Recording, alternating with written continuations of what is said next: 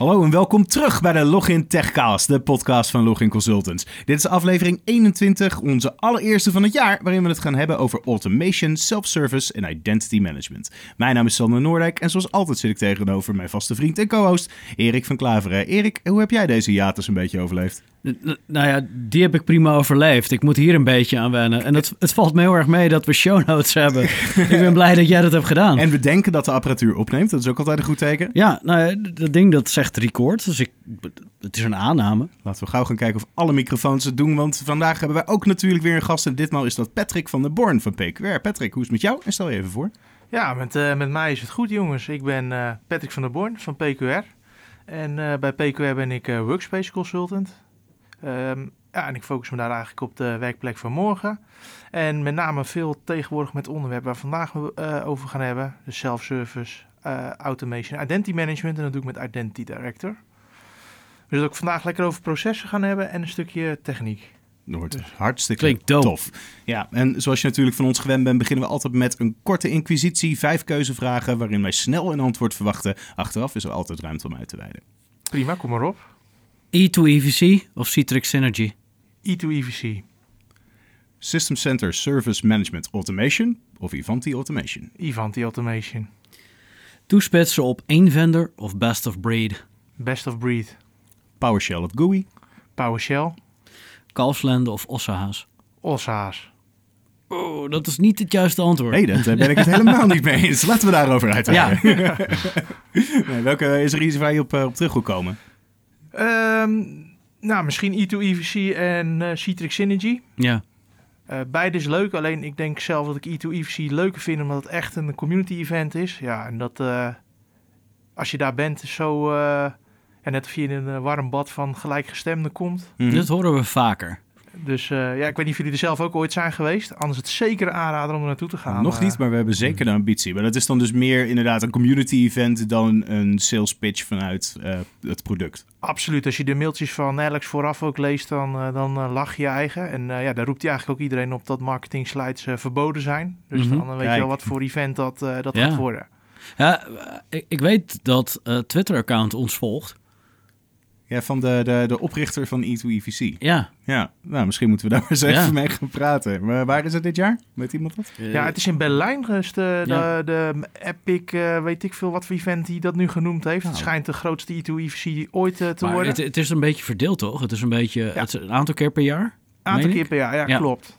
Vorig jaar was het in uh, Amsterdam. En nou, ik ben dan zelf in Athene geweest. Mm -hmm. ik ook Als ik de keuze had, zou ik ook naar Athene gaan. Ja, tuurlijk. Amsterdam of Athene. Het want, begint uh, allebei met een A. Hè? Ja, Doe me niet moeilijk over. Daarom.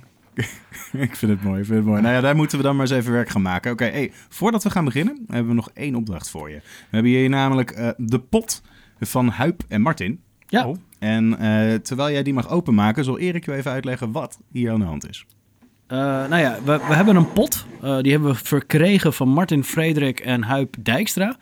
En uh, die hebben een plaats gegeven in onze podcast. En daar laten we onze gasten één kaartje uithalen. Die mogen zij voorlezen en beantwoorden. Ja, je moet hem voorlezen. Dat is altijd wel een goed begin, ja, denk ik. Het lijkt me wel goed. Ga jij, ga jij naar het toilet van een ander geslacht als de rij te lang is bij jouw kant? Zo. Zo, nou. Kijk, ik, ik denk dat deze in de pot zit voor dames. Want over het algemeen is de andere rij waar ik dan vaak op een festival of zo komt langer dan de heren. Dus nee, ik en zelf in het, niet. In het festival heb je, ook, heb je ook andere opties ervoor natuurlijk. Ja, ja helemaal als het outdoor is. Ja. Uh... Nou, ik, ik, ik, was toevallig gisteren op een uh, gelegenheid waarbij uh, de heren het wc bezet was en de vrouwen wc vrij was. Maar ik heb het, uh, ondanks dat iemand het tegen me zei, anders pak je die toch gewoon, kon ik het toch niet over mijn hart verkrijgen. Niet? Nee. Uh, Jij? Ik, ik heb er nul moeite mee. Echt? Ja, er liggen ook altijd van die leuke doosjes met van die, van die touwtjes en stukken watten eraan. Daar ga ik altijd mee spelen. Oeh. Nou, weet je wat het is? Ik heb ooit in een discotheek gewerkt. En aan het einde van de avond was ik altijd bij de, de juffrouw die de toiletten schoonmaakt. Ja. Op een of andere manier. Ik dacht altijd dat mannen het meest ranzig waren omdat ze staan soms zonder handen, laat maar zeggen. Mhm. Maar de damestoilet, dat overtreft echt de herentoilet. Dus bij die gedachte denk ik Oh. altijd van, nou, dan eh, blijf ik maar bij de herentoilet staan. eh.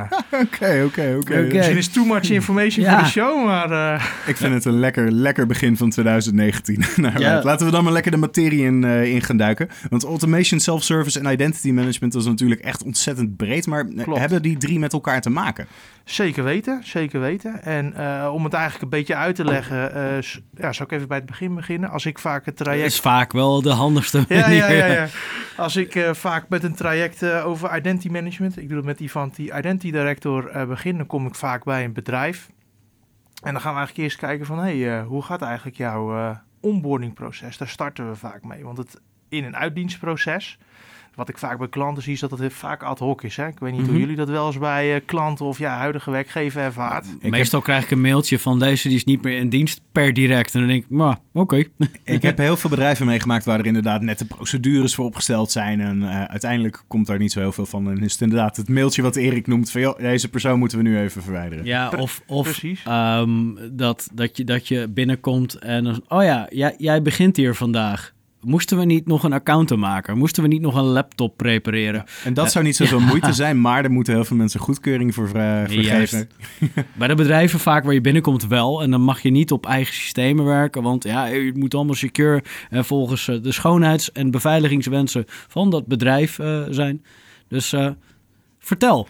Klopt, en met name wat jij net schetste, Erik, die herkennen we allemaal. Dat je op die eerste werkdag dan bij die helpdesk staat, ik kan niet inloggen. Dat is vaak wel eh, eh, makkelijk te zien, of ik heb geen toegang tot de systemen. Net wat jij aangeeft, iemand die weggaat, dat is vaak een ondergeschoven kindje. Hè? En vandaag de dag... En die is eh, volgens mij veel belangrijker. Absoluut, want eh, we hebben Waar heeft hij toegang toe? Exact. bijvoorbeeld? En, en vandaag de dag hebben we natuurlijk heel veel te maken met SaaS. Alles is internet ontsloten. Dus ik hoef niet meer specifiek naar kantoor toe om dus toegang te krijgen tot bepaalde data. Nou, daar heb ik niet eens over nagedacht, maar ja, inderdaad. Eh, ja, toch? En eh, eh, ja, als, ik als, ja, als je op goede voet weggaat, dan gaat het meestal wel goed. Maar dan gebeurt helaas ook wel eens dat medewerkers op een slechte voet weggaan. Dus het is wel echt vervelend dat ex-medewerkers vaak nog toegang hebben tot systemen. En ik zie dat heel vaak. En aan de andere kant wordt het ook steeds complexer. Hè? Nog niet alle applicaties kunnen federeren. Dus op een IT-helpdesk moet je mensen aanmaken in traditionele systemen. Zoals een AS400 bijvoorbeeld. Ik noem maar iets. eh, Mhm. eh, die zien we ook nog vaak zat in het veld. AD, maar misschien ook nog wel in een, eh, in een SaaS-applicatie. Dus wordt ook heel foutgevoelig. Dus wat wil je eigenlijk naartoe? Is het automatiseren daarvan. Hè? Zodat je dat ad hoc proces procesmatig gaat aanvliegen. Nou, als je dat dus procesmatig aanvliegt en dat gaat automatiseren, dan zorg je er eigenlijk voor dat de uitkomst altijd hetzelfde is als iemand in dienst komt. Maar ook als die weggaat. Want ja, automatisering maakt bijvoorbeeld geen menselijke fouten. En wat je dan dus eigenlijk ook krijgt, is dat de account ook gereed is op de eerste werkdag. Is die dat niet, heb je het proces niet gevolgd. Mhm. Dan kan je iemand ook gewoon zeggen van... hé, hey, je had het proces moeten volgen of ga het nu volgen... en dan wordt het automatisch allemaal geregeld. Maar als ik kijk naar een recent voorval wat ik zelf gehad heb toen ik op een eh, co- consultancyklus bij een bedrijf begon, eh, daar kreeg ik ook de me- mededeling: oh ja, nee, je, je admin-account kunnen we wel regelen vandaag, want dat doen we gewoon zelf. Maar voor je gewone gebruikersaccount waar de mailbox aanhangt, ja, dat moet goedgekeurd worden. En ja, daar heb ik het Was dat mailtje bij niet een voor. bank? Misschien. En daar, daar heb ik het mailtje niet voor verstuurd. Dus dat eh, ga ik dan nu wel in gang zetten. En dat duurde vervolgens nog een week. Precies. Maar eh, als die persoon dat mailtje vergeet te versturen of die eerste stap doet, dan eh omzeil je nog steeds natuurlijk het, of haal je nog steeds het proces onderuit dat het niet van start gaat. En als je security technisch naar kijkt... ik heb liever dat jij wordt aangemaakt als een user, als een admin. Ja. Ja, die vond ik ook gek. ja, toch? Dat is precies Dan verkeerd maak je maar- jezelf toch gewoon aan als user. Dat had ik kunnen doen, ja. Dat had vast goed gewerkt. Ja. Maar eigenlijk is het automatiseren en procesmatig hiermee omgaan ook om het te versnellen. Hè? Want vaak als het dingen handmatig gaan, zoals jij net schetste, formulieren aanmaken, ja, dan ben je afhankelijk van iemand die input levert. En daar wil je eigenlijk vanaf. Maar i- dit is heel erg nu op eh, rondom het proces geënt. Ja. En eh, de aut- automation stuk zit er natuurlijk ook aan. Dus Precies. de gebruiker komt in dienst, daar hangt een proces aan. Eh, daar hangen verschillende onderdelen aan. Ehm, kan ik daarmee dan ook eh, nieuwe workstations uitrollen voor eh, dat eraan koppelen en Dat zou soort kunnen. dingen? Kijk, wa- wat ik vaak met een klant eerst in gesprek ga, is even kijken van hey, hoe werkt jouw in- en uitdienstproces? En dan krijg je best wel ja, creatieve processen terug. En eigenlijk wat de kern die je zoekt, is wat is nou de waarheid van jouw organisatie? Hè? Dus bijvoorbeeld vaak eh, zeggen, als ik met een IT-manager praat of een IT-afdeling, zeggen ze had Active Directory. of Mhm. Azure AD. Ja. Mhm. Maar ik heb nog nooit een bedrijf gezien die hun salaris run. Misschien zijn ze er wel hoor, maar ik denk eh, grote bedrijven hun salaris run op basis van Active Directory doen. Nou, 9 van de 10 keer komen we dan uit op een HR-systeem. En Mhm. eigenlijk wat je gaat eh, doen is een koppeling maken met in dit geval Identity Director met HR-systeem. Eh, om dus mensen automatisch te gaan inlezen en op basis daarvan triggers uit te voeren. En Zo'n trigger kan bijvoorbeeld zijn dat je een automatiseringsstuk gaat maken van hè, maak een gebruiker aan een AD. Of dat je zegt van nou, ik heb een eh, desktop staan, spoel er maar in. Ik noem maar, Maar die pakketten zijn er toch? Absoluut. Ja. Eh, de pakketten zelf zijn er. Dus Identity Director en eh Ivanti Automation dan in, in dit geval. Maar de moeilijkheidsgraad ligt hem er eigenlijk in die workflows die je daarin moet opstellen. Want je moet met zo'n klant wel in overleg van hey, hoe gaat zo'n eh indienstproces. Nou, een voorbeeldje kan zijn als jij wil eh, dat op de eerste werkdag eh, een doos bonbons wordt afgeleverd. Of ik, ik noem maar wat, dat je denkt van hé, hey, dat moet ik ergens in mijn proces opnemen Mhm. zodat dat ook in gang wordt gezet. Dat bijvoorbeeld een mailtje naar de lokale chocolaterie wordt gestuurd en dat zij automatisch een doos bonbons sturen. Maar dat kan net zo ver gaan tot het toekennen van een Skype voor Business licentie, omdat jij eh, bij een communicatieafdeling werkt en bijvoorbeeld gaat bellen met Skype voor Business of iets Mm. dergelijks. Maar hoeveel onderdelen werken hier dan nu samen als je deze situatie zo beschrijft? Want ik heb mijn AD waar mijn user in aangemaakt wordt. Er komt een link met eh, het eh, business applicatie. Ja. Maar hoe, wa- wat voor meer zaken moet ik daarmee rekening houden? Eh, hoe bedoel je dat precies? Wat, wat kan ik aanhaken in dit proces wat jij nu allemaal, eh, Ja. allemaal beschrijft? Dat, daar was ik eigenlijk ook een Oké. beetje naar op zoek met het deployen van mijn werkstation. Ah, Ehm, die vraag was niet helemaal goed geformuleerd, maar wat zit er allemaal rondomheen? Want vanuit de HR-positie is het natuurlijk een account, eh, dat en die, die chocoladedoos. Ja. Maar vanuit IT-perspectief eh, gaat het inderdaad om een account. eh, Precies. Dan qua kosten zal het om licenties gaan. ja. Die worden afgeschreven. En ja, een werkstation moet eruit komen. Wat koppelen we allemaal? Nou, om, om eh, de HR-systeem in te lezen kan je dat doen op basis van een CSV-file. Zien we bijvoorbeeld vaak dat hij een export kan maken. Die kan je dan logischerwijs inlezen. Mhm. Dan wordt alles aangemaakt. Het Of, klinkt mij wel een beetje plakband en punaises. Maar of een ODBC-koppeling. ja, dat, dat is wel Hè, dus eh, dat je rechtstreeks in de database gaat lezen. Maar het ligt er even aan eh, wat, je, wat je bronsysteem voor output kan, kan genereren. En vervolgens op basis van die triggers kan je dus automation starten. En dan kan ik op, ah, kijk, als een doelsysteem of iets wat ik wil gaan doen API's ondersteunt, kan ik gewoon een PowerShell script bijvoorbeeld afstarten om zo'n API aan te spreken. Dus feitelijk gezien vanuit die business workflow die we dus definiëren binnen Identity Director, Mhm. kan ik eh, elke, op elke taak dat ik maar wil een automation taak starten. Al is het een PowerShell script. Nou ja, jij kent Ivan die automation. Eh, ik, ik ken de Wisdom. En, de eh, Wisdom, oké. en eh, eh, zeg maar, toen het nog van REST was, daar heb ik nog in, in eh, zitten klikken. Eh, maar sinds het van Ivanti is, nee. Nou, dus is ik niet, weet niet eh, of het niet veel veranderd is, eh, maar sinds, eh, sinds REST. Maar je kunt ook gewoon een PowerShell script starten. Ja, en als, eh, ja, als je een, eh, een robotje wil besturen daarmee met die met API calls kan, dan Mhm. kan dat. Alleen je moet wel goed met die klant eh, gaan praten van hoe gaat jouw proces? Maar in dat geval, want dan kom jij als een consultant binnen bij, eh, bij een bedrijf en die gebruiken een, waarschijnlijk een of ander aftandspakket om, eh, om HR-zaken in Klopt. te, in te factureren. Hoe, hoe kan je altijd uit de voeten met wat je krijgt? Of moet je dan daar nog kattensprongen voor maken om dat te verbinden? Soms soms kan ik daarmee uit de voeten. Pas had ik een project. Die klant had zelf een servicebus gemaakt. Dus daar was ik eh, erg verbaasd. Dat was aanhaken met ODBC. En ik had alles ingelezen. Ik kom ook bij, bij klanten die eigenlijk niet eens weten wie er allemaal in dienst zijn. Dat is dan ook wel een uitdaging. Is het niet sowieso al een uitdaging? Eh, ik heb het met bijvoorbeeld een werkplekstrategie. Dan vraag ik alleen over, joh, wat, wat zijn jullie requirements? Nou, da- dat is al een uitdaging. Is dit wat, wa- waar jij nu over spreekt een niet veel grotere uitdaging? Dat klanten niet eens weten eh, van, oké, ja, wat doen we eigenlijk? Eh, dat hebben ze vaak niet eens op papier staan. Dat, eh, dat klopt. Dat maak ik ook heel vaak mee. Dat ik dan vragen stel aan hun van hoe gaat jullie indienstproces eigenlijk? En dan kijken ze, ja, hoe gaat dat eigenlijk? Ja, ik kom binnen en dan, uh, ja, geen Ja, en dan, en dan soms zie ik ook formulieren voorbij komen. Dan is het van, nou, eh, die eh, is dezelfde gebruiker als die, dus eh, kopieer dat maar. Dan denk ik, nou, Mhm. dan heb je eigenlijk helemaal geen idee eh, wat je systeemrechten bijvoorbeeld eh, zouden, zouden moeten zijn. Precies, en wat voor rechten die persoon allemaal meekrijgt. Ja. Exact. eh, eh, ja, weet, weet je, Erik komt in dienst kopieer Sander maar, want die zal ongeveer hetzelfde doen. En dan, eh, dan moet het werken. Ik maak dat echt eh, best, wel, best wel vaak mee. Aan de andere kant moet je dus ook goed eh, kijken, is dat je in het begin heel druk bezig bent. Als je bijvoorbeeld als bronsysteem het HR-systeem pakt en even voor gemakshalve het Active Directory als een doelsysteem pakt. Ja, die zijn altijd niet consistent. Dus de eerste stap Mhm. die je moet gaan doen als je gaat automatiseren, zijn beide administraties consistent maken.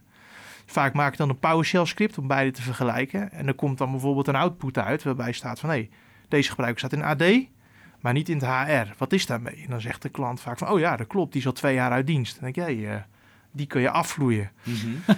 Maar het is ook wel eens eh, eh, andersom. Dat er wel eentje in HR staat en niet in AD. Dat kan ook nog. Dan zijn ze die, Schoonmaakster. ja, bij wijze van. Of Mhm. iemand die helemaal geen AD-account nodig hebt. Nou, dan zou je bijvoorbeeld er nog een filter op kunnen leggen. Hè, dat je type medewerkers hebben die geen IT-toegang nodig hebben. Mhm.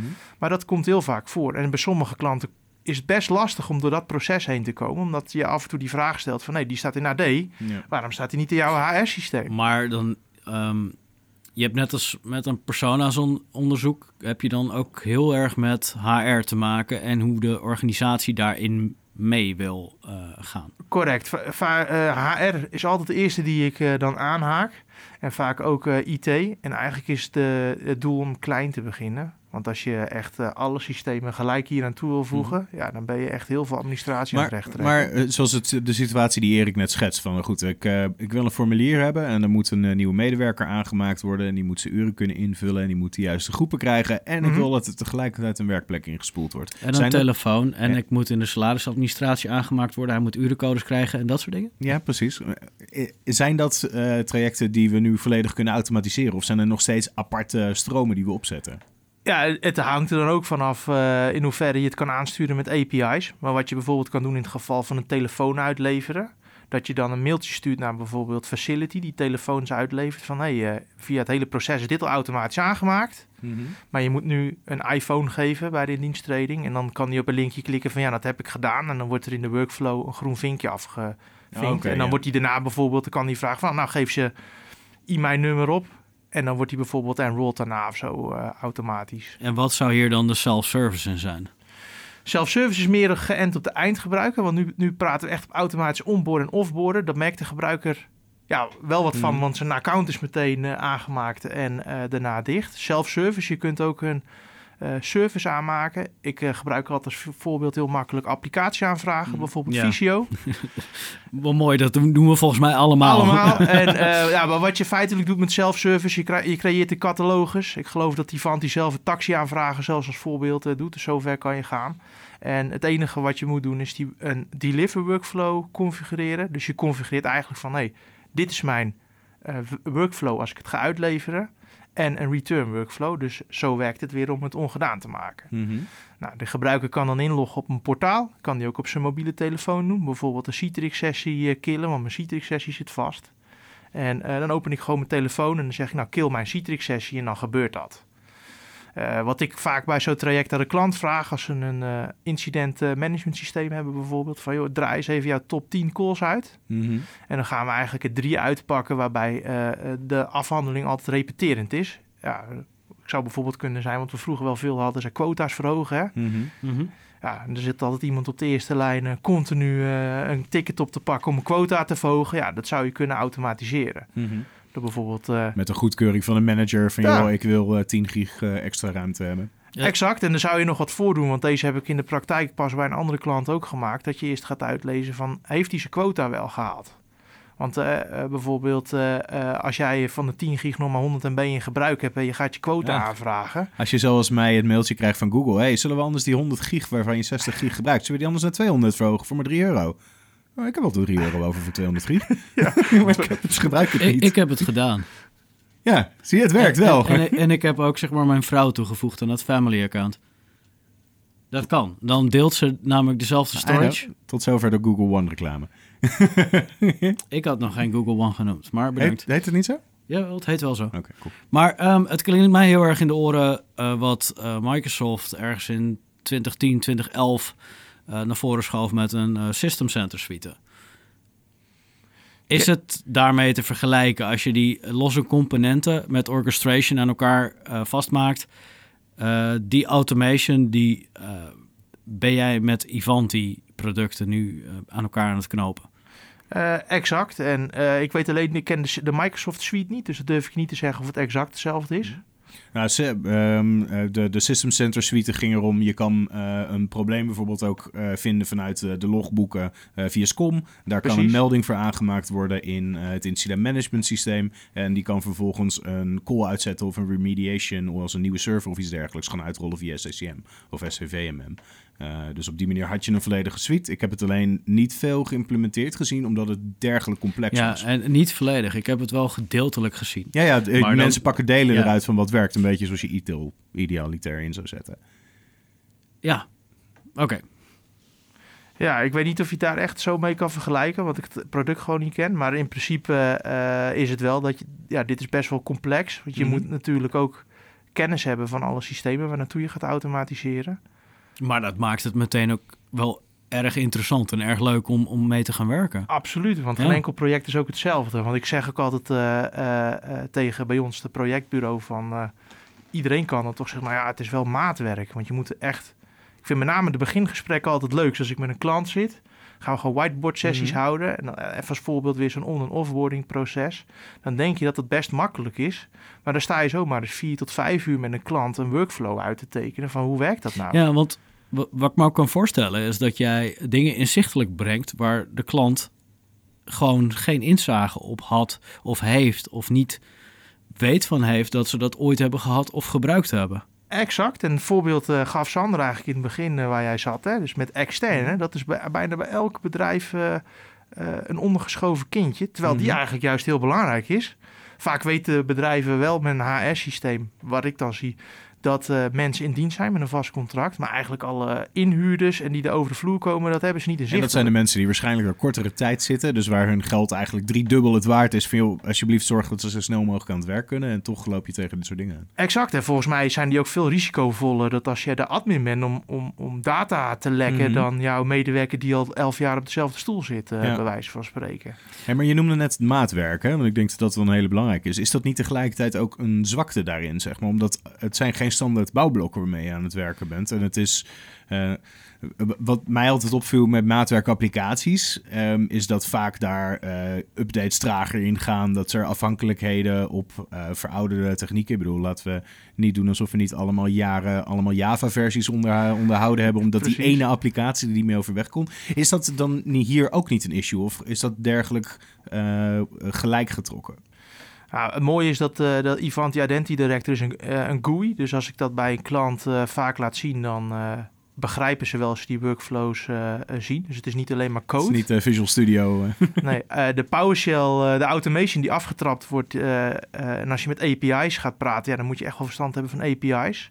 En wat jij schetst, dat schets ik ook vaak bij klanten, is van hey, als jij bijvoorbeeld je top 10 calls hebt geautomatiseerd, dan zou dat zomaar eens kunnen betekenen dat je minder eh, FTE nodig hebt op je helpdesk, want alles gaat automatisch. Maar dat betekent niet, want automatisering gaat niet vanzelf. Mhm. Dus je moet dan wel de mankrachten zelf in huis hebben. Of in ieder geval iets regelen dat je het uh, kan maintainen. Dus als er een wijziging plaatsvindt, uh, ik noem maar, noem maar een voorbeeld dat je van je on-prem Exchange naar Exchange Online gaat migreren. Ja, dan moet wel iemand in staat zijn om jouw uh, onboard workflow, of in ieder geval je automation aan te passen, dat je een, in één keer een mailbox bij Exchange Online gaat aanmaken in plaats van on-prem. Dat is ook leuk. Maar uh, dit is waar wij het wel eens over hebben gehad. Veel, het betekent niet dat jouw werk verloren gaat. Je gaat ander werk doen wat waarschijnlijk veel interessanter en veel leuker is. Eens, mhm. want dat, dat zeg ik ook vaak tegen de jongens op de helpdesk. Kijk, als je 80 keer de quota hebt veranderd, heb je misschien net zoveel tijd gespendeerd als je in één keer een goede automation script hebt gemaakt. Mhm. Ja, maar het moet nu even snel. Ja, ja, ja, maar dat is altijd. Maar weet er is geen tijd voor. Nee, ja, ja, ik denk dan altijd als het script er is, dan 80 keer en dan is 81, 82 tot en met 100 uh, eh, oneindig ook mhm. gecoverd, om het zo maar te zeggen. Ja. En, ja. Uh, krijg je ook wel eens de waarom zou ik het dan op deze manier gaan doen? Of waarom zou ik dit in gaan zetten? Want ik kan me voorstellen dat er zullen vast veel bedrijven ook zijn die zeggen: we doen dit al jaren zo, dit werkt prima, we hebben er geen last van, dus uh, waarom zouden we dit, dit gaan neerzetten of gaan automatiseren? Ja, vaak als ik met een bedrijf spreek, gaat het over de security as. Is gewoon dat ze echt zeker willen weten dat alleen de mensen die eh, bij hun in dienst zijn ook echt daadwerkelijk toegang hebben. Dat is dan ook de invalshoek waarbij je binnenkomt? Bij ze eh, identity management regelmatig wel. Ja, nee, die- vanuit die hoek snap ik het. Maar vanuit de automation en self-service weet ik niet of dat ehm, op één lijn direct gezien wordt. Ik denk dat identity management en self-service juist enorm eh, samen verkocht worden, om het maar even Correct, plat, eh, plat te zeggen. Ik bedoel, kijk naar je gemiddelde Azure subscription. Ja, nee, de self-service, die, die, de- je hebt natuurlijk, zeg maar, tussenstuk hou je er tussenuit dat er mens eh, als fout, human error, er tussenuit gehaald kan worden, omdat er flows tussen zitten. Je, je hebt in het geval van het aanvragen van software, daar gaat eh, Dan moet iemand akkoord ja, vergeven. dan moet iemand akkoord vergeven en dan wordt hij geïnstalleerd. En in het verleden was het, dan moet iemand akkoord eh, vergeven. Dan gaat iemand van de helpdesk, die gaat naar de manager toe en zegt, joh, hey, de- Pietje wil dit installeren. Eh, Mhm. Er wordt akkoord voor gegeven. Diegene gaat met zijn cd'tje naar, of een USB-stick naar de, de computer toe. Die gaat dat ding installeren. Die drukt eh, drie keer op next, maar die had een vinkje vergeten. Heb je al de eerste fout pakken? Maar dat is juist waar automation juist de, stappen in kan maken. Maar want d- dat die is- gaat, het bericht gaat direct naar de leidinggevende die daar akkoord op moet geven. Exact. Die geeft zijn akkoord en vervolgens wordt het automatisch worden toegewezen of geïnstalleerd. Ja, nee, dat, dat snap ik. Maar vanuit- Zonder de menselijke fout met Pietje die zijn vinkje niet aan En je hoeft niet in een queue te staan van incidentensysteem. Dus stel dat je in een queue komt waar een eh, helpdesk al drie dagen achterloopt, dan moet je gewoon drie dagen wachten voordat jouw ticket wordt opgepakt. Dat ja, hoeft niet. Maar je wil wel een registratie hebben. Dat, eh, dit is een, helemaal met een fiche waar licenties aan gebonden Ja. zijn.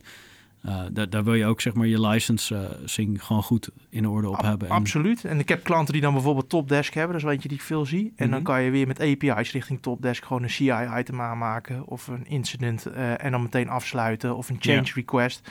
Ja, je moet het ook allemaal bijhouden natuurlijk. Als je het makkelijker kan uitgeven, dan moet het ook makkelijk te registreren zijn. Absoluut. Dus je, kunt, je kunt dat gewoon registreren als jouw eh, registratiesysteem... eh, ja, als je daar gewoon naartoe kan automatiseren. Ja, dat scheelt je een hoop handwerk. eh. Hoeveel configuratie komt hierbij kijken? En heb je daar nog dergelijke scriptingkennis voor nodig? Of wat je al net al zei, van het is een GUI, dan is het iets wat iedere consultant zou kunnen inzetten?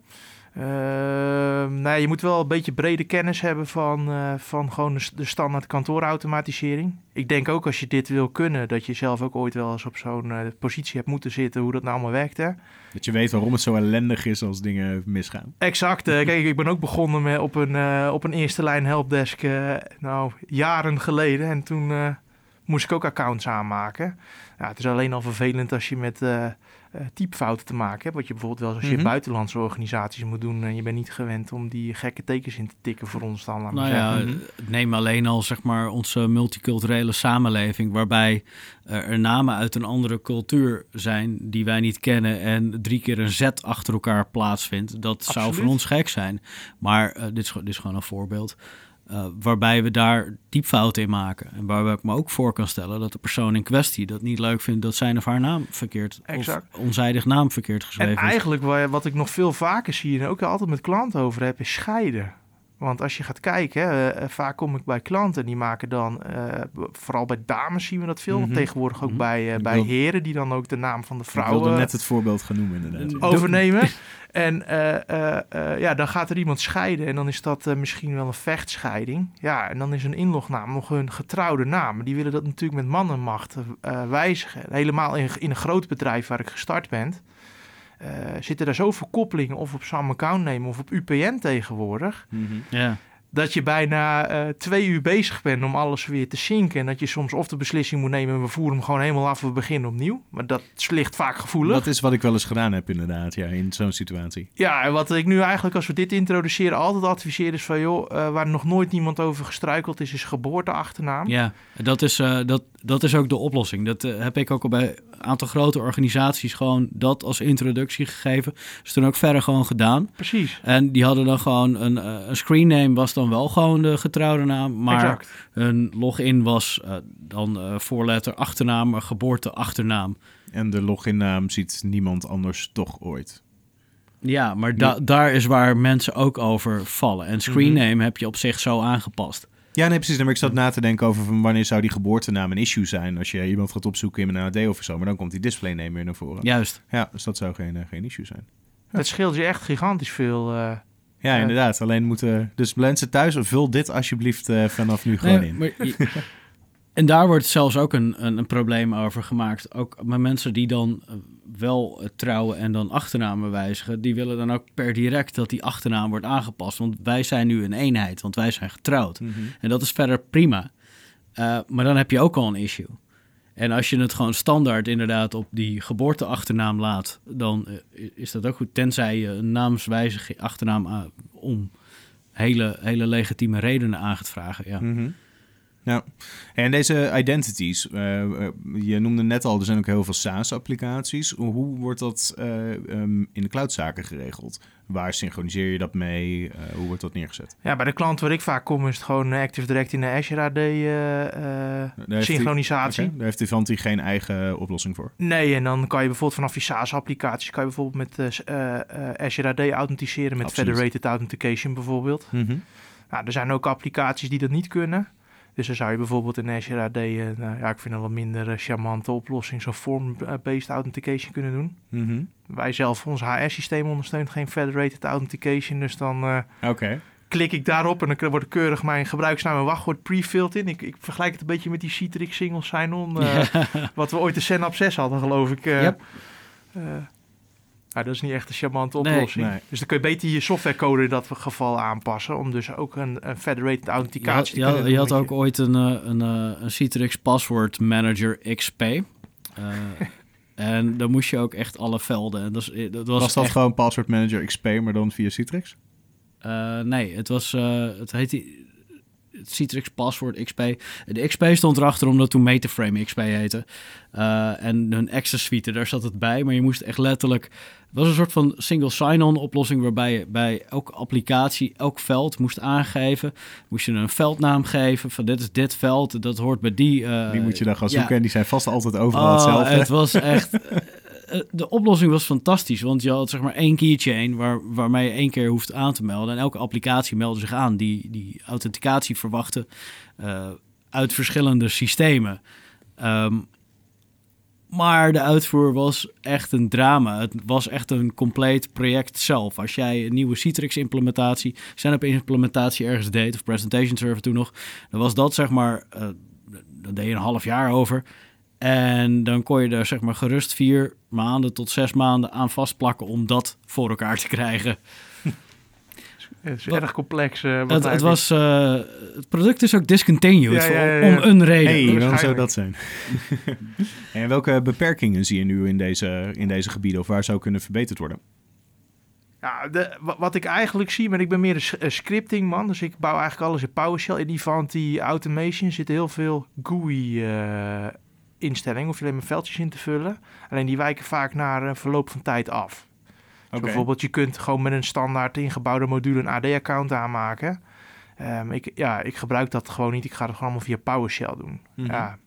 Soms bijvoorbeeld, hè, om je een voorbeeldje te geven, uh, als je een AD-account aan gaat maken, moet je eerst checken tegenwoordig of de UPN op staat. En anders moet je de naming conventie gaan toepassen. Nou, die kan in sommige gevallen wel met een, ja, als je een cijfer erachter plakt, uh, Patrick van der Boren 6 zijn. ja, en dat, da, daar is het product niet zo heel goed in. En dat kan je beter met, uh, omdat het eigenlijk geen for of uh, where loops kan gaan doen. En dat kan je met een PowerShell script bijvoorbeeld wel. Nou ja, het nadeel daarin is, is dat voor, als je het wil uh, beheren, is dat je wel echt uh, PowerShell kennis moet hebben. En dat, snip, dat script begrijpen. Mm -hmm. Omdat dat andere makkelijker is. Als je Wisdom ook kent of, of Ivanti mm -hmm. Automation. Om gewoon in, ja, in een GUI te zien als een uh, eindgebruiksorganisatie die dat daadwerkelijk echt nou gaat ja, gebruiken. Wat, waar, waar, waar ik het... Waar, waar, wat ik echt ontzettend... De, was het framework wat erachter zat. uh, en de opbouw van je geautomatiseerde uh, runbooks. Uh, dat vond ik fantastisch. Dus je Klopt. begint met een uh, package, daarna heb je, wat was het? Uh, heb je een project en dan uh, die opbouw daarin. Dat vond ik geweldig. Da daarmee kon ik lezen en schrijven. En als je dan ineens naar een SSCM bijvoorbeeld overstapt, waarbij je, ja, je hebt, je hebt de ene kant, maak je een package aan, dan maak je ineens een application aan en uh, een task sequence. En voor mij was het totaal onlogisch waar ik wat uh, kon doen. Terwijl uh, ja, het rest of de Ivanti automation was heel vanzelfsprekend. En ik wist exact waar ik moest kijken. en dat was voor mij heel logisch. Terwijl ik met een SSM, dan was ik gewoon een half uur eerst aan het klikken van... oh, staat dat hier? Dat is handig. Dat klopt, dat is ook vaak wat ik op trajecten zie, eh, ook eh, niet als ik Identity Director doe. Dus gewoon een Citrix traject eh, waar, waar ik altijd standaard die Fanti Automation bij, bij wil hebben. A, het is niet zo heel erg duur. En B, als een eindgebruiker ermee aan de slag gaat, die nog nooit met automation te maken heeft gehad. Het, ja, meestal na een dag of twee, als het een gewoon tweede lijns eh, beheerder is, die begrijpt hoe het werkt. En eh, als ook in het geval van automation, ik hou van alles automatiseren, want ik heb een hekel aan klikken. Er heeft nog nooit iemand Als je eh, iets meer dan twee of drie keer moet doen, dan moet je het automatiseren. absoluut. Ja, soms is dat natuurlijk, als je per uur betaald wordt, eh, is dat... eh, ik ken genoeg bedrijven die het er niet mee eens zijn. ja, want als je het met automation uitrolt, ben je misschien acht minuten bezig om variabelen in te kloppen. En dan kun je koffie drinken. Ja, als je gaat klikken, ben je misschien drie dagen Ja, bezig. het geheim is, je moet nog steeds de drie dagen verkopen. Dat is de intellectual property, Ja. noemen ze dat ook wel eens. Hè? Dat, eh, Dat is de magie Ja. die wij eroverheen doen, waardoor het altijd zo goed is. Ja, die ja, hebben we ja, nodig ja. in drie dagen. Ja, kan jij niet gewoon op dat knopje drukken dat alles weer werkt? Ja, dat, Maar- is, dat is hoe het gaat. maar, maar jongens, in, in VDI bijvoorbeeld, eh, ik weet Erik doet ook veel eh, VDI eh Citrix volgens mij.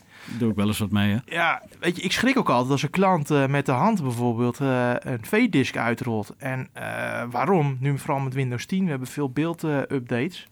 en ik zeg tegen een klant, ja, als je heel je installatie geautomatiseerd hebt, is het gewoon een kwestie van een nieuwe OS-ronde. Je trapt het runboek eroverheen of een nieuwe beeld van Windows 10. Mhm.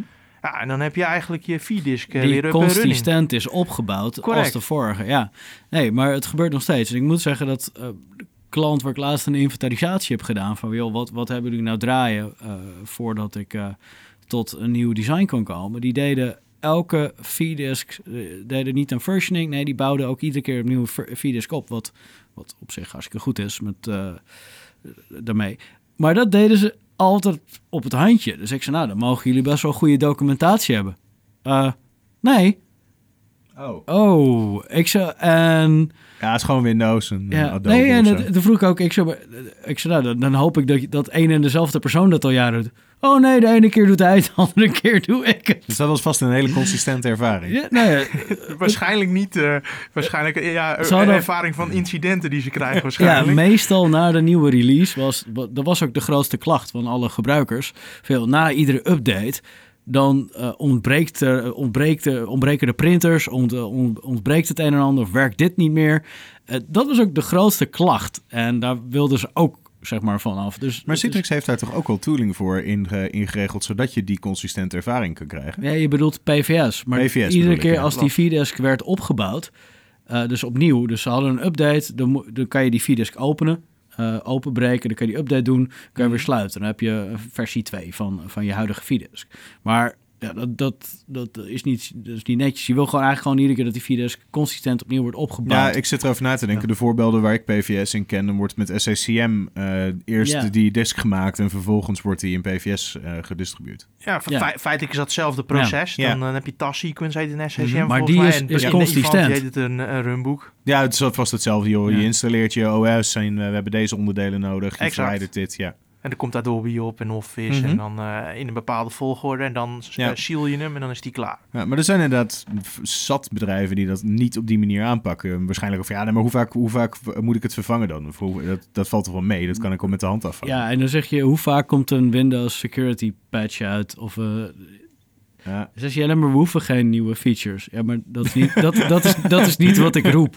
Zoals, we, zoals we vier jaar geleden nog zeiden. Ja, nee, we draaien altijd één Windows-versie terug. Want dan zijn alle kinderziektes eruit en is het veilig.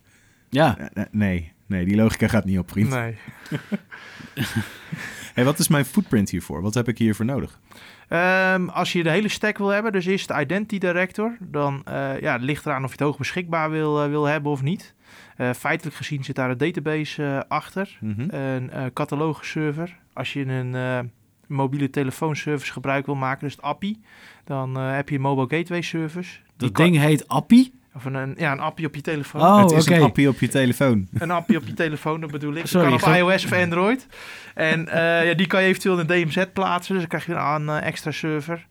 Eh, een database, dan is het Ivanti Automation. Mhm. Ja, dat is ook niet zoveel. Dus een, eh een dispatcher, zoals we dat noemen. Maar het is En niet dat ik er zeven servers voor moet optuigen Nee. om dit in Nee, die, te gaan die, niet. die dispatchers die zitten er natuurlijk ook al. eh. al sinds uh, heugenis in. Absoluut. En uh, afhankelijk van de kosten, wat je kan doen, is voor je identity management kan je één uh, management server maken. Daar installeer je gewoon alle packs op. PowerShell packs richting Office 365, uh, Exchange, AD, noem maar op. En dan hoef je ook maar één licentie af te tikken voor automation voor je management server. En daar kan je eigenlijk al je automation en al je doelsystemen tegen doen. Oké. En wat is iets cools wat wij nu nog niet besproken hebben? Ja, ik vind het allemaal cool, het is automation. hè?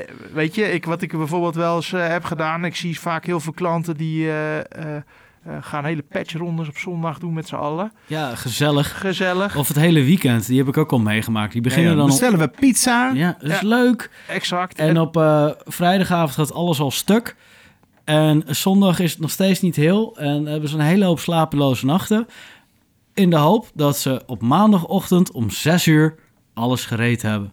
Precies. Nou, en ook dat kan je automatiseren. Dat script heb ik ook uh, gemaakt. Dat is best wel gaaf. Alleen voor vSphere op dit moment. En wat doet hij? Die gaat gewoon uh, in een folder kijken. Nou, bij een klant staan er nu 400 VM's in.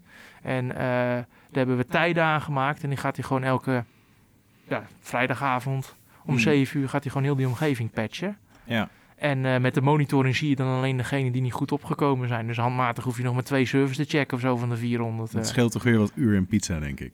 Ja, absoluut. En uh, ik zelf, als ik dat script klaar vind ik dat wel cool dat je denkt van... hé, hey, je kan gewoon geautomatiseerd gewoon 400 VM's patchen. Mm -hmm. ja, is dat natuurlijk geen rocket science. Maar de, ja, ik sta er altijd versteld van te kijken hoeveel bedrijven nog met de hand uh, oh, al die servertjes staan. Ja, nee, want dat is beter. Dat is beter, want dan kunnen we er meteen wat aan doen. Dan hebben we er meer grip op. Ja, dat is wat mensen denken. Het, het was mijn idee, zeg maar, waarvoor ik IT inging. Veel, ik ga alles automatiseren. Vervolgens ga ik alleen maar met een laptopje ga ik op het strand zetten, cocktailtje erbij. Hey, oh. ja. Dat is de droom. Maar als je echt naar iets nerds kijkt, wat wij PQR heeft meegedaan aan de hackathon, en dat was met V-Realize Automation ook automation. En wat mhm. ze daar hadden gedaan, we hadden een, een robot uh, uh, gemaakt, mijn collega's. En dan kan je de voortgang van het proces zien. Dan gaat het robotje rijden en dan pakt hij een blikje Red Bull op. En dan zet hij hem 10% verder en dan zet hij het Red Bull blikje weer neer. en dat deden we dan uh, met Homey. Kon je dan een automation taak uh, starten. Dus dan kon je tegen Homey zeggen van... hé, hey, ga dit even deployen. En dan gaat het robotje totdat hij op 100% was. En dan had je je backend omgeving met webservice en weet ik er wat van. Ja. Oké, dat is wel vet. Ja, dat is gewoon uh, nerd. Maar gewoon ik het is wel een beetje nerd, maar dat is juist mooi. Ja, toch? Ja, ja pas, ook van, pas uh, prima intussen, denk ja, ik. Ja, precies. Nee, dat, dat wordt hier zeker uh, gewaardeerd. Hey, ook deden wij een oproep op onze social kanalen voor vragen uit de community. Dus heb jij nou een vraag die jij hier aan tafel gesteld wilt hebben? Nou ja, we, je weet ons zo meteen te bereiken aan het einde. en we hebben dus iemand gevonden, dat was een vriend van de show, Johan van Amersfoort. Die had wel een vraag voor jou. En dat is, wat is de toekomst van automation? En zie je AI daar een grote rol in spelen? Uh, de toekomst van automation uh, is wat mij betreft heel groot. Uh, ik vergelijk het altijd bij klanten, net als bij de McDonald's en bij iets wat het met hoge kwaliteit is. Vroeger zag je bij de McDonald's. McDonald's dat, dat en hoge kwaliteit gaan volgens nee, mij niet helemaal in één Wisselende kwaliteit. Wisselen, maar dat, maar dat wou ik net uitleggen. Bij de oh. McDonald's krijg je juist een hamburger die niet zo super lekker is, maar ik krijg hem snel. Mhm. En als ik snel een hamburger wil, dan ga ik naar de McDonald's. Maar wil ik een echte lekkere hamburger, nou, dan ga ik bij ons bij de lokale uh, eetent een hamburger halen. Maar ja, dat kan best zijn dat ik er drie kwartier moet wachten voordat ik weg ben. Ja, hoe krijg je nou die hoge kwaliteit en snelheid? Want dat is eigenlijk wat je wil. Dat kan je alleen maar voor elkaar krijgen als je die hoge kwaliteit kan automatiseren. Dus dan kun je hoge kwaliteit kun je automatiseren. Dus volgens mij kan je als bedrijf alleen maar onderscheiden als je uh, gaat instappen in automation. Mm -hmm. En wanneer jij niet meer alles zelf zou hoeven te, uh, voor te kouwen met je scripting, maar dat hij er zelf van zou kunnen Ik leren. Ik hoef geen voorgekoude hamburger. Nee, dat, wordt, dat wordt dat hij niet wel een hele nasty vergelijking nu ik hem terug hoor. maar, Jij gaat verder. ja, en met AI erbij. Ja, jeetje. Ik denk dat AI uh, die automation nog meer pe eh, persoonlijk kan maken. Waardoor je als bedrijf, als je een automation en AI combineert, uh, sneller, beter en meer kan onderscheiden bij uh, je klanten. Waardoor je meer klanten aan je kan binden. Gaaf. Ja. ja. En uh, afsluitend willen we nog een uh, relevant nieuwsitem uh, behandelen. Geen Trump of wereldhonger hier. Nee, maar een branche-gerelateerd onderwerp. En Erik, wat heb je deze week gevonden? Ja, er gaat een, een gerucht dat Intel AMD gaat overnemen. Althans, dat ze ermee bezig zijn. Dus dan hebben we nog maar één CPU-leverancier in de wereld. Er zijn natuurlijk al een paar op C-level niveau overgestapt van AMD naar Intel. Hmm. Eh, er, er gaat ook een, een gedachtegangetje gaat rond dat eh, Intel eh, AMD gewoon probeert dood te maken. Doordat die mensen gewoon ja, naar binnen harken en zo zeg maar het hogere... Je concurrentie Ja. opkopen en wegdwijnen. Juist. Maar, Maar, AMD heeft wel een groot marktaandeel, toch? Nou ja, we, we hadden het er alles over gehad. Veel als, je, als, als ik ging gamen. Eh, jij mag je overigens ook in, eh, in deelnemen. Ik ben hè? aan het luisteren. Als je, eh, als je aan het gamer bent, dan, dan was, was vroeger was altijd zeg maar met die, met die Athlon eh, 64 bits eh, processoren, x64 dingen. Dat, ja, dat was de processorhuis. Ten eerste was goed, een stuk goedkoper en een stuk sneller als jouw eh, Intel eh, processor. Die, eh, wat, wat zaten we toen op Intel Pentium eh 3 of zo. Ja, ja. Eh, dus er was, AMD was het ding. Nou moet ik zeggen dat in, in IT-landschap heb ik AMD-processoren, eh, en dan heb ik het gewoon over de CPU, eh, alleen maar in, in, in SBS-servertjes terug zien komen. Ja, ik, ik eigenlijk helemaal nog nooit AMD in een serveromgeving. Wel dat iemand clients had met Mhm. AMD, maar niet dat iemand echt een server gevirtualiseerde host of waar Zen op, op AMD. Die heb, ik, ja, heb ik eigenlijk nog nooit gezien. Er valt ook niet echt een zakelijke lijn uit te trekken, volgens mij. Het, Ja. is, eh, het is gewoon dat ene product, right? Ja, en volgens mij in Azure, als je de A-serie hebt, die allereerste, die waren volgens mij op die Opteron-serie van AMD Ja. eh, gebaseerd. Want die dat waren, waren die server, eh, de, de equivalent aan, eh, aan Xeon-processoren. Ja, alleen die gebruikten volgens mij minder stroom. Daarom Mhm. zijn ze ook veel langzamer. En ook minder koeling. Daarom zijn ze ook eh, eh, ja, de, de instapmodellen, laten we zeggen. Ja, goedkoper. eh. Maar volgens mij zelfs in Azure zijn ze ook afgestapt van AMD. En dan is nu die A-serie gewoon een geëmuleerde snelheid van AMD. Mhm. Ja, en, en is wat, wat AMD natuurlijk eh, ook, die heeft, eh, hoe heet het, eh, ATI ooit, ooit, ooit Ja. opgekocht als eh videokaart eh, leverancier. Daar zat ik net te denken aan Ja. het nieuwsbericht dat Intel nu een GPU gaat krijgen. Dus misschien wordt dat wel de AMD... eh, Zou Nou dat dan eigenlijk de concurrentie worden? ja. Dat, dat is zeg maar ook in 2020 willen ze daar. eh, ze hebben natuurlijk al die GVT, eh, wat is het? Die, Iris Pro. ja, die Iris Pro. eh, die, die hebben ze natuurlijk al voor het virtualisatievlak. Ja. Maar wat, wat want ja, AMD die heeft eh, de Ryzen's en de Radeon Pro's hebben ze op de markt eh, gebracht. Dus ja, misschien wordt dat inderdaad wel een dingetje dat ze, dat ze het gewoon opkopen om echt gewoon een hele stack te kunnen Om neerzetten. daarmee die stap te kunnen maken. Ja, want er, er gaan natuurlijk geruchten dat ze zelf een GPU aan het maken zijn. Ja, en pas was er ergens een post van... Hey, Intel komt in 2020 met een GPU op de markt. Ja. Wie weet wordt wel Intel Radeon. Intel Radeon. Dat klinkt, Klinkt wel wel echt heel, super cool. Ja, hè?